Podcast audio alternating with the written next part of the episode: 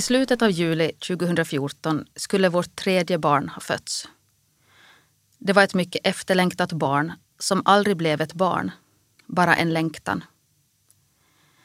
Vi hann glädja oss åt barnet i lite mer än en månad. I vecka 10 visade ett ultraljud att barnet inte växt som det skulle och att hjärtljud saknades. Missed abortion kallas det. Kroppen tror fortfarande att den är gravid. Då vi uppsöker läkare och förväntar oss den skuggiga bilden får vi veta att kroppen inhyst något som inte finns. Illamåendet, tröttheten, viktuppgången, brösten som spänt. Inget av det har varit på riktigt. Livet har lämnat kroppen men lämnat lamporna på, som min man sa. Jag heter Karin Erlandsson och den här berättelsen börjar med ett missfall. Var fjärde kvinna upplever någon gång under sitt liv ett missfall. Ungefär lika många män. Med tanke på statistiken över missfall är vi många, många som sörjer liv som inte blev. Ändå pratar vi inte om det. Inte jag heller. När jag ringer till jobbet efter ultraljudet, så ledsen att jag knappt får fram ett ord, ber jag att min chef inte ska säga vad som har hänt åt alla andra. Säg istället att jag fick huvudvärk.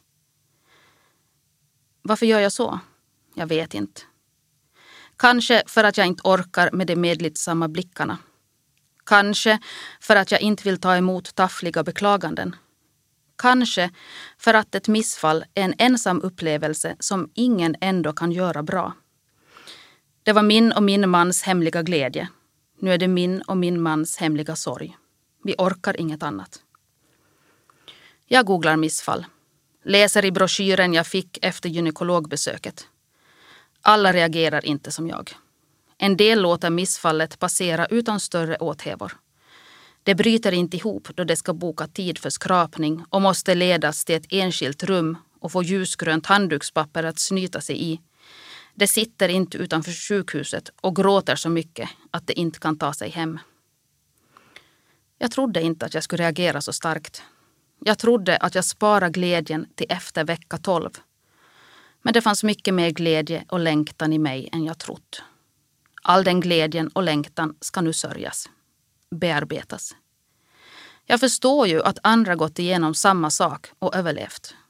Jag förstår också att tidiga missfall som det här är så vanliga att det nästan måste kallas naturliga. Ändå. Jag bara gråter och gråter. Stannar hemma från jobbet två dagar och gråter. Jag blir så trött av all sorg som passerar att jag gråter och sover om vartannat. Mina ögon är svullna och röda, halsen är torr. Jag vaknar av att jag gråter. Min man kommer hem från konferensen tidigare än beräknat. Han måste komma hem, för min skull, för barnets skull, för sin egen skull. Vi pratar hela kvällen. Påminner oss om allt det roliga vi ska vara med om. Säger att livet inte saknar mening. Ser på våra två barn. Det hjälper. Och att vi kan hjälpa varandra hjälper ännu mer. Kvällen vi fått veta att barnet inte finns är vårterminens första kväll. Barnen har blivit lovade glass med strössel. För mig blir det en fest. En minnesstund för barnet som inte fanns annat än i vår längtan. Vi skålar i glass så att strösslet flyger och jag tänker på barnet som aldrig föddes. Jag heter Karin Erlandsson. Jag är kulturredaktör på Nya Åland och författare. Jag bor i Mariehamn med min man och våra två barn. Det här är berättelsen om vår längtan och våra försök att få ett tredje barn. Jag måste redan nu varna er. Det här är ingen Hollywoodfilm med garanterat lyckligt slut. Det här är en polsk svartvit film. Filmad med korta klipp och darrig hand. Man fattar inte att filmen tar slut när eftertexterna rullar igång. Man utbrister ett hepet va? och spolar tillbaka, men nej, man förstår fortfarande inte. Jag garanterar inte ett lyckligt slut. Ingen har garanterat mig ett lyckligt slut. Det är inte säkert att vi får ett tredje barn. Det är det som är det hemska med längtan. Man vet inte hur den slutar. Vi är 27 år och bestämmer oss för att försöka få barn. Vi säger åt varandra att vi ju inte vet om vi kan. Sånt vet man inte på förhand. Men i december 2004 blir jag gravid. Vår son Frans föds i september 2005. Då föds ovanligt många barn. Det är nio månader efter katastrofen i Thailand och våra barn kallas tsunamibarn. Inte så att de barnen skulle vara hastigt påkomna och mer spontana än andra men man ser samma tendens efter alla större katastrofer. Människor söker sig till varandra. De vill kärlek istället för död. Och har man som vana att ha oskyddad sex brukar det bli barn. Fyra år senare bestämmer vi oss för ett andra barn. Vi har alltid tänkt oss en stor familj. Vår andra son, Bror, föds i augusti 2009. Jag ser tillbaka och förundras över det där med vi bestämde oss för att få barn. Klart vi förstod på ett plan att alla inte får. Att det inte bara är att bestämma sig. Men inte förstod vi på riktigt. Ingen som saknat ett barn vet hur stark den känslan är. Inte vi heller. Frans utbildade mig till förälder, men då bror kom var jag redan mamma.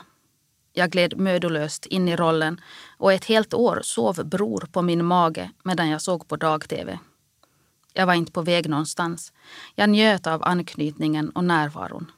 Jag ammade så länge som möjligt och fotograferade den sista amningsstunden. Ändå. Jag borde ha njutit mer av både Frans och Brors första år. Jag borde ha anknutit vansinnigt hårt, naglat mig fast vid varje andetag, vaggat och vischat och vetat att det var sista gången. Det går inte att leva så, jag vet det. Men det finns stunder då jag önskar att jag ändå gjort det. Ett år efter missfallet ringde jag adoptionsutredaren. Jag tror att vi kanske vill adoptera, sa jag. Hur gamla är ni? frågade hon. Och hur länge har ni varit gifta? 37 svarade jag och 17 år. Vi klarade det första testet. Innan det där samtalet hade vi försökt få ett tredje biologiskt barn i tre år. Vi började lite halvengagerat. Vi avancerade till mer målmedvetenhet till att slutligen gnida frenetiskt. Det finns inget osexigare än att försöka göra ett barn som inte blir. Jag har satt en förmögenhet på graviditetstest. Jag har kissat på fler stickor än någon kvinna borde kissa på. Jag har fått mens 60 gånger för mycket till sist grät jag varje gång jag började blöda. Jag grät på yogan, jag grät i kyrkan, jag grät på promenader och jag grät på jobbet. Vanligen kan man inte räkna sorg eller mäta längtan. Men just i ärendet barn går det faktiskt. Sorgen blir värre för varje gång mensen kommer. Längtan eskalerar. Plötsligt kan man mäta sorg och det gör mig inte ett dugg lyckligare. Det är ju ingen tävling. Den som upplevt 60 gånger mens när det inte borde vara mens har inte vunnit ett dugg. Till sist orkar vi inte försöka längre. Utredningar har gjorts. Det finns ingen förklaring till varför vi inte blir gravida. Efter missfallet mäktar vi inte mer. Vi väljer att inte ta vägen via fertilitetsförsök och provrör. Vi går direkt på adoption.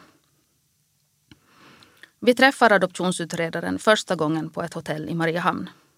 Hon frågar om vi berättat för barnen. Vi blir förvånade. Vi vet knappt vad vi själva vill och orkar. Att berätta för barnen i det här skedet känns som att säga åt dem innan man går upp till sängkammaren och ja. Det första mötet går framför allt ut på att ta ifrån oss alla eventuella illusioner om att det här är en enkel sak. En lätt process. Om vi vill rädda världen finns det andra vägar att gå. Men vi vill inte rädda världen. Vi vill ha ett barn. Det andra testet är därmed avklarat. Adoptionsutredaren rabblar upp länder och samarbetspartners. Vi antecknar och ställer frågor. Läkarintyg och ämbetsbetyg till nästa gång. Ja, visst säger vi och bokar nästa möte. Vi går ut lätt vimmelkantiga. Eller nej, det gör vi inte. Vi går målmedvetna ut från det första mötet. Det finns saker att göra, papper att fylla i, kryss att kryssa, listor att bocka av. Processen är både lång och svår. det förstår vi redan i det här skedet, men den garanterar oss åtminstone i större utsträckning ett barn än den fruktlösa ägglossningsjakten.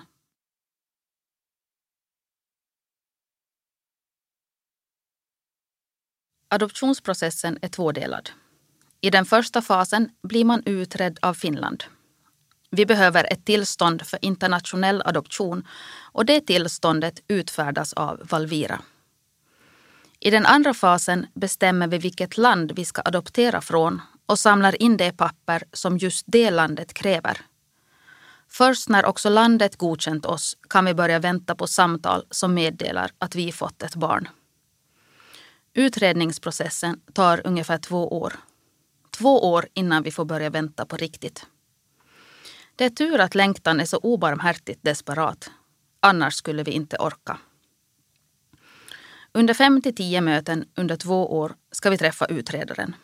Åland anlitar Rädda Barnens utredare i Helsingfors. På andra orter har kommunen en egen. Om vartannat reser vi till Helsingfors och utredaren kommer till Åland. Till varje möte får vi läxor. Beskriv er barndom, berätta om förluster. Hur är ert förhållande? Vi skriver långa A4-ark om släkt och död och kärlek och barnuppfostran. Träffarna får samma förtrolighet som kan uppstå när man går i terapi. Men vi måste hela tiden komma ihåg att vi blir utredda. Utredaren skriver rapporten som ligger till grund för Valviras ställningstagande. Varje träff är en övning i sundhet och prydnad. Då man vill ha ett barn tar man fram sin trevligaste personlighet. Utredaren gör också ett hembesök. Vi städar bastun och skruvar i handtagen som vi inte fått upp på tre år.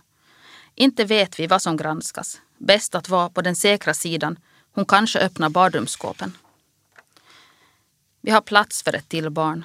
Vi visar vår utredare var barnets säng ska stå, hur vi ska placera en till stol vid köksbordet. Vi pratar om dagis och pedagogik, skolans kapacitet kring eventuell mobbning och våra resurser att hantera utanförskap och ensamhet. Under hembesöket träffar hon också barnen det är förstås lite knepigt att förbereda. Barn är trots allt barn. Och tänk om någon av dem utbrister att mamma dricker vin varje kväll. Det är inte sant, men hur ska man förneka det med hedern i behåll?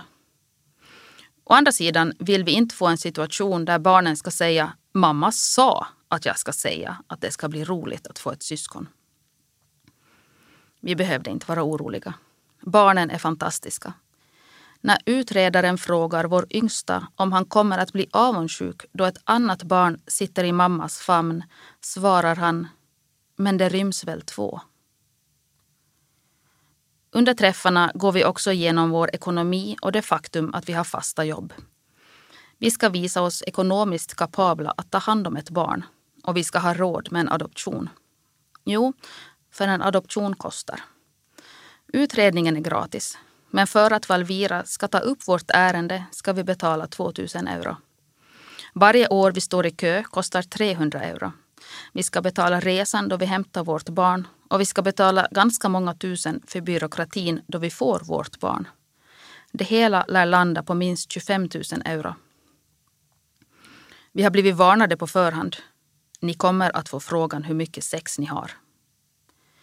Vi har funderat på vad vi ska svara Två kommer min man fram till att det är rätt. Frågan är bara frekvensen. Ska det vara två gånger om dagen, två gånger i veckan eller två i månaden? Och vi får frågan på ett ungefär, men också förklaringen till varför den ställs. När man som vi har försökt få barn så länge och haft sex för ägglossningars skull, inte av lust, riskerar sexlivet att bli skadat. Utredningen vill försäkra sig om att vi är på andra sidan att vi hittat tillbaka. Att vi känner lust och vill närhet också utan reproduktionskrav. När utredaren utrett allt som går att utreda skriver hon en rapport. Den får vi läsa innan den skickas till Valvira. I vanlig ordning har utredaren charmats av min mans godhet. Alla gör det. På fester blir jag accepterad bara för att min man är en så trevlig prick. Det står sida upp och sida ner om att han är scoutledare, sjunger med barn och kan spela 15 instrument. Om mig står det att jag utövar yoga. Vi föreslår några ändringar i utredningen. Kanske jag ändå har några andra tillgångar än huvudstående och utredaren skriver utan protester in några ändringsförslag. På sätt och vis är utredningen alltså också ett samarbete. Vi är inte utredarens händer utan har en chans att lägga till och diskutera. Det är omöjligt att veta om det är en bra eller dålig utredning. Det är ju en oerhört personlig text och vi har inte läst någon annans. Men hon rekommenderar oss. Ja, hon rekommenderar oss. Och vi väntar. Jag heter Karin Erlandsson och mitt sommarprat handlar om sekundär barnlöshet, längtan och adoption. Utan Valviras godkännande för internationell adoption får vi inte adoptera. Det är ingen självklarhet att bli godkänd. Vi har vänner som inte blir godkända. Bekanta får sitt tillstånd indraget. Jag har gått i terapi. Jag har varit deprimerad och varit sjukskriven för utmattning. Det är många år sedan, men med utredningen har vi inte bara lämnat in de obligatoriska läkarintygen och löneintygen utan också ett intyg från min terapeut som skriver att jag är förståndig och frisk. Inte dess mindre är jag, vi, livrädda för att inte bli godkända. Vad om inte? Men vi blir godkända. Med godkännandet i hand inleds nästa steg. Man ska välja land. Vi valde Filippinerna. Varje land har olika krav på intyg för att i sin tur godkänna oss. Filippinerna kräver 21 olika intyg, flera av dem enskilt för min man och mig.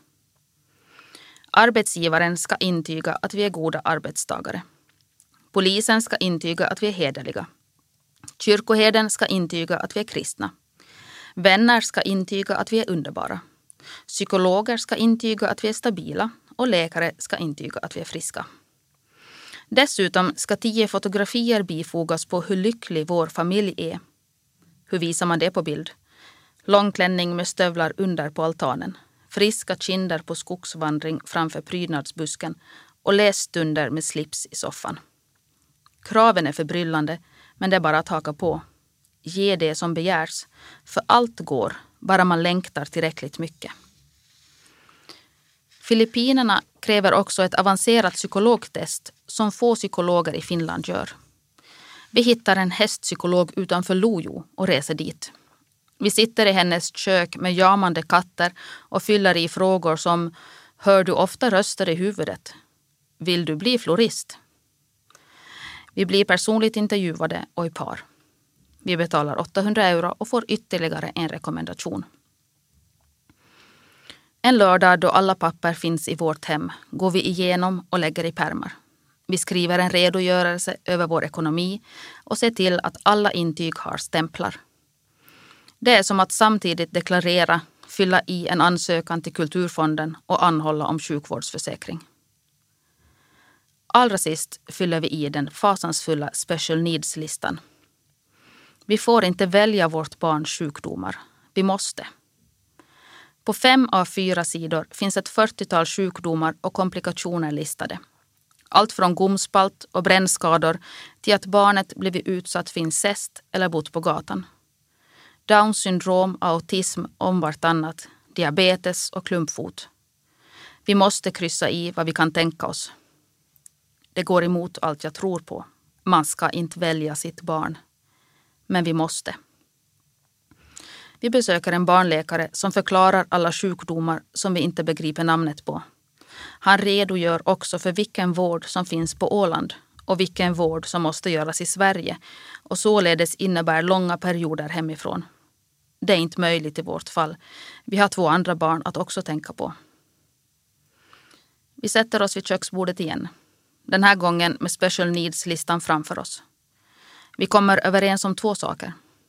Vi kan inte försöka vara godare än vi är. Och vi får inte övertala den andra. Om någon säger nej till hjärtfel får inte den andra säga jo men lite hjärtfel kan vi väl ta.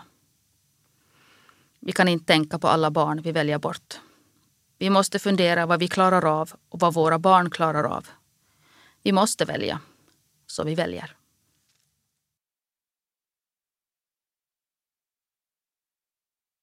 Det finns en skam i att ha barn och ändå vilja ha fler. Min längtan betraktas inte bara som mindre utan också mindre värd än kvinnans som inte har ett enda barn. Girighet är aldrig vackert. Fast det är ju inte girighet att längta efter ett barn. Det är en längtan så stor att den kan fylla ett universum. Det är inte girighet, det är sorg. Det fattas inte bara ett barn vid vårt köksbord. Det fattas ett barn i vår famn. Vi adopterar ett barn för att vi inte har något annat val. Vi längtar så mycket att vi inte kan gå vidare. Vi klarar inte av att välja sorgen. Men det finns en skillnad mellan primär och sekundär barnlöshet. Inte i mätbara differenser som större än och mindre än, utan en skillnad. Jag är mamma. Kvinnan utan barn är det inte. Jag firar mors dag. Kvinnan utan barn gör det inte. Jag har barnarmar omkring mig. Jag leker vattenkrig på stranden och jag har middagsbordet fullt av klottriga tallrikar. Jag är mamma. Hon är det inte. Och det är skillnad. Kanske inte i längtan, men i utgångspunkt.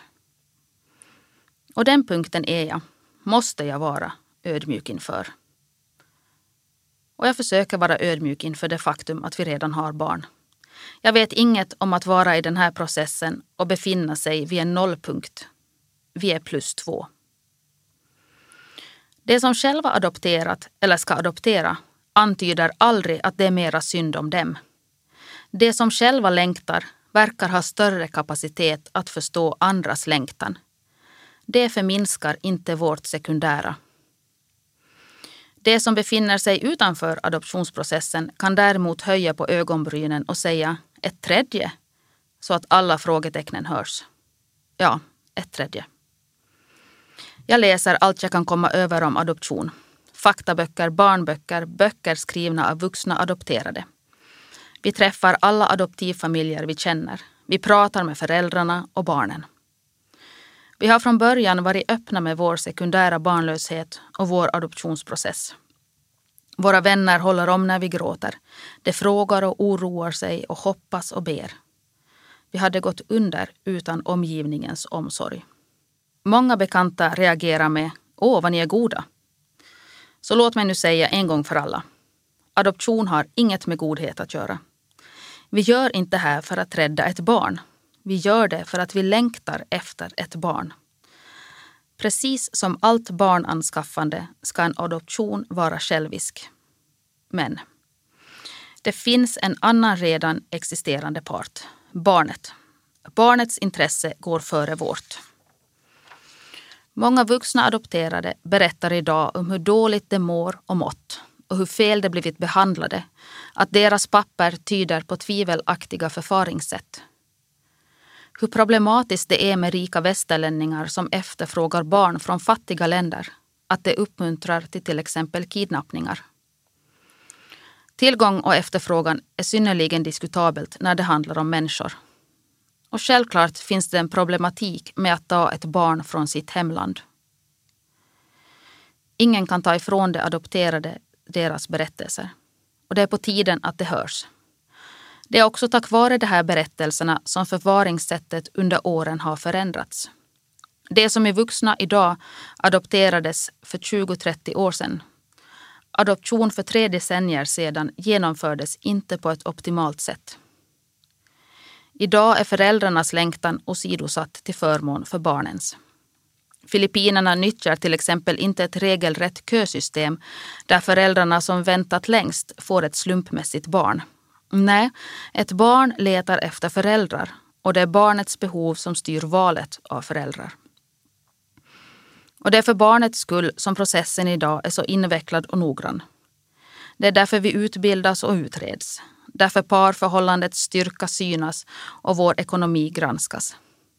Det är därför kontakten med vår utredare fortsätter fem år efter att barnet kommit. Etisk adoption är att adoptera från ett land som ratificerat Haagkonventionen. Det innebär att mamman inte övertalats att adoptera bort sitt barn. Att i första hand släktingar tillfrågats om de kan ta hand om barnet och att slutligen alla möjligheter till nationell adoption uteslutits. Först därefter tillåts internationell adoption. Och då, när alla de tre nämnda kraven uppfylls, visar undersökningar att det är bättre för barnet att växa upp i en familj än på ett barnhem. Vi har förstås funderat mycket på det här. Köper vi ett barn? Sätter vi vår egen längtan framom barnets bästa? Nej, har vi kommit fram till. Det gör vi inte. Vi läser undersökningarna, vi pratar med adopterade. Och vi köper inte barnet från fattiga föräldrar. Vi får ett barn som redan övergetts. Kanske kan man se det så att vi behöver varandra, vi och vårt barn.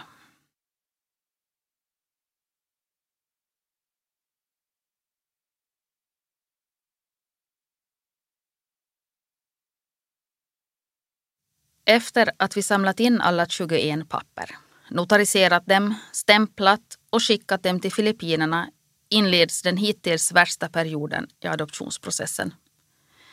Om inte Filippinerna godkänner oss måste vi välja ett annat land med andra krav och andra väntetider. Vi är inte säkra på om vi orkar. Det här är vår sista chans. Det ska ta tre månader att bli godkänd. Men Filippinerna begär ett nytt intyg Eftersom Mrs Erlandsson gått i terapi behövs intyg från en psykiater att jag inte är deprimerad längre och att jag inte lider av de ätstörningar jag hade för 15 år sedan. Var skrapar man fram en sån psykiater?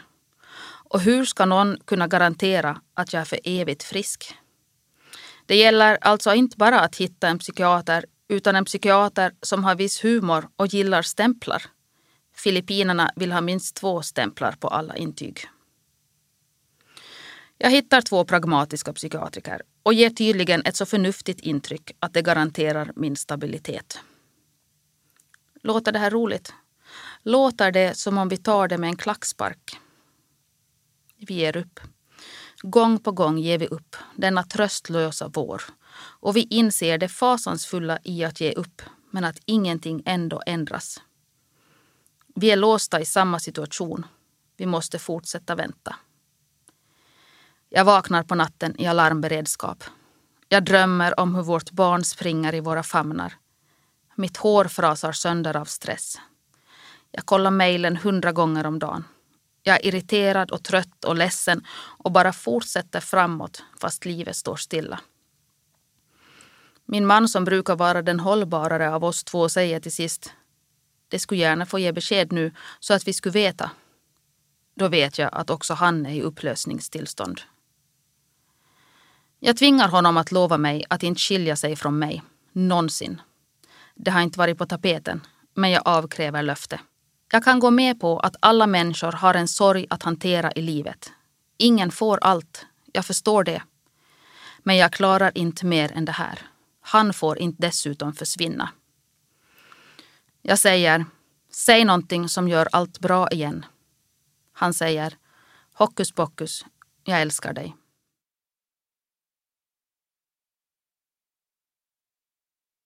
6 juli 2017 kollar jag mejlen, lite förstrött. Vi hade fått mejl av Rädda Barnen.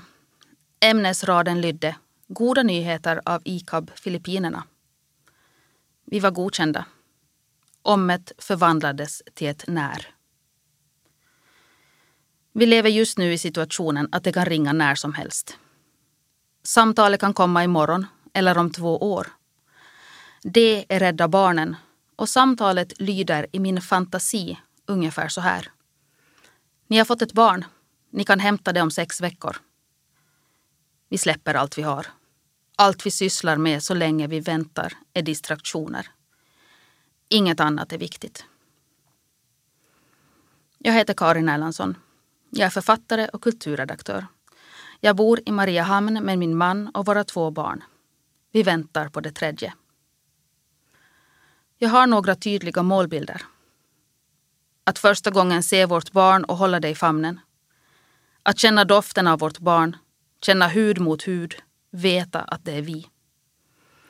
Att första gången fysiskt förnimma vårt barn är inte bara målbilden. Det är motivationen som får oss att orka alla dagar utan det där telefonsamtalet.